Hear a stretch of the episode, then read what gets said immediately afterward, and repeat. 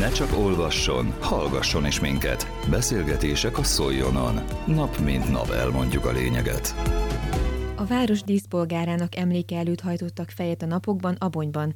Györe Pára a Falu Múzeum előtt elhelyezett szobornál emlékeztek az esemény résztvevői.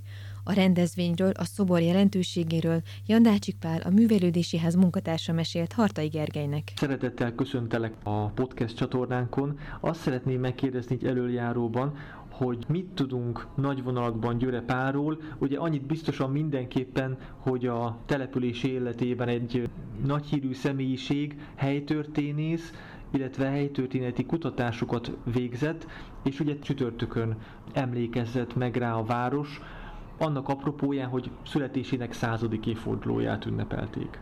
Üdvözlök mindenkit! Igen, Györepari bácsi egy meghatározó személyisége volt a településnek. Lokálpatriótaként nagyon fontosnak tartotta, hogy ne csupán Abonynak a múltját ápoljuk, de foglalkozott a jelennel is, hiszen a múzeumbaráti körnek is egy kimagasló személyisége volt, és foglalkozott a jövővel is, hiszen fontos tisztséget töltött be a város életében.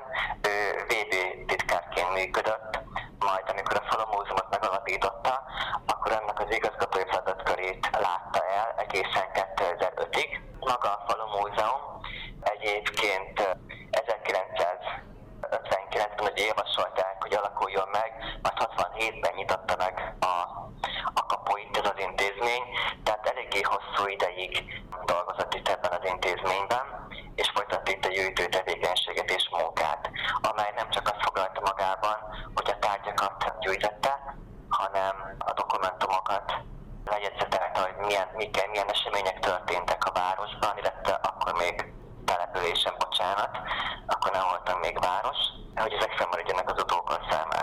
Az ő gyűjtéseiből mire tudunk következtetni, milyen jellegzetes tárgyak köthetők az ő nevéhez, amelyeket a Falu Múzeum máig őriz?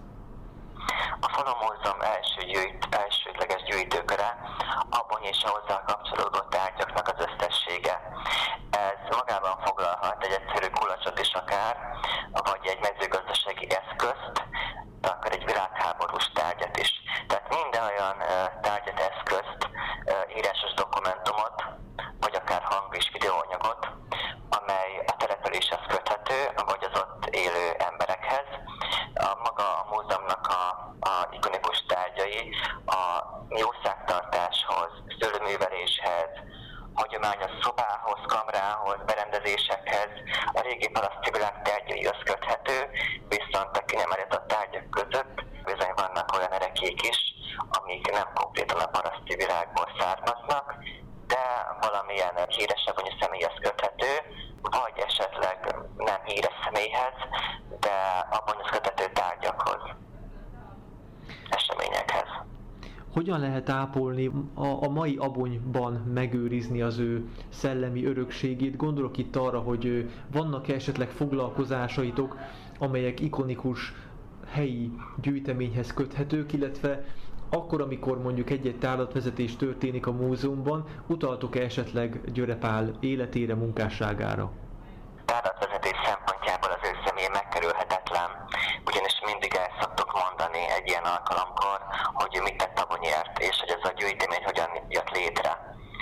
A hagyományos rendezvények közül a minden ősszel megrendezésre kerülő kézműves és hagyományőrző nap az, amely bemutatja a régi paraszti világtárgyait, illetve most van olyan kezdeményezésünk, hogy a Nemzeti Művelődési Intézet jó voltában megvalósuló úgynevezett térségi programok kínálatából olyan programokat is beviszünk a múzeumba, amelyekre korábban nem volt még példa. Ilyen lesz majd a tavasszal megvalósuló három részese tervezett családfakutatásos program, amelyel a helyiek leveltára szakértő segítségével támpontokat kaphat arra, hogy hogyan végezze a családfakutatást, miket keressen fel és hol, és hogyan végezze ezt a munkát.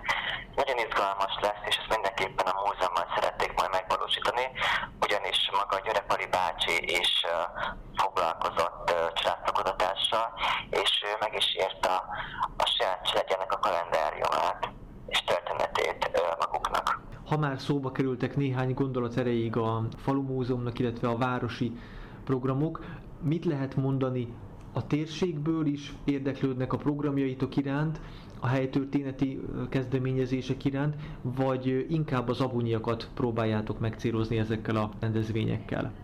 Hát úgy gondolom, hogy a helytörténet benne van ugye a nevében,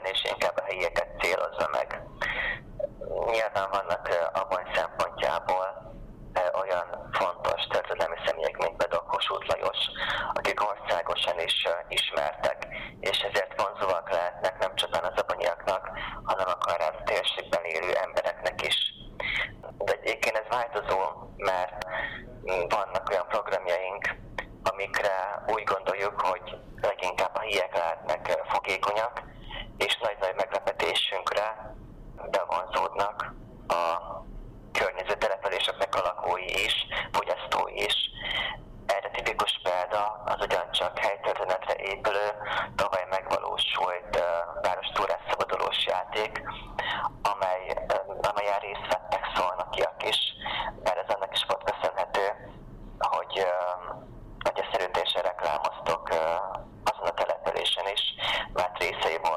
Együttműködésnek, amely keretén belül szólnak összefogta a környező települések valamennyi program kinevetelt azon a nappal kapcsolatban, ami a múzeumok éjszakája volt. Egy picit távolabb lépve így Györe Pál örökségétől, hogyha úgy általában beszélünk a, a művelődési ház programjairól, illetve a Falu Múzeum programjairól, akkor mit mondhatunk, melyek lesznek a, az idei év legkardinálisabb, legnagyobb rendezvényei? Több nagyszabású rendezvények készül a város.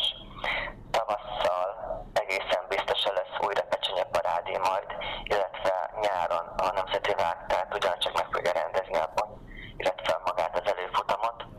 Demlet Gizműves és hagyományőző is egészen biztosan lesz, és ha minden jól megy, jövő héten meghirdetjük a februári szabadulós játékunkat is, amelyre ugyancsak szoktak jelentkezni a térségből. Nagyon szépen köszönöm. Az előző percekben egy megemlékezés apropóján hallhattak beszélgetést. Jandácsik Pál, a Szandai Művelődési Ház munkatársa Hartai Gergelynek mesélt a város díszpolgárának, Györe Pálnak a szobránál tartott eseményről. Közélet, politika, bulvár. A lényeg írásban és most már szóban is. Szóljon a szavak erejével!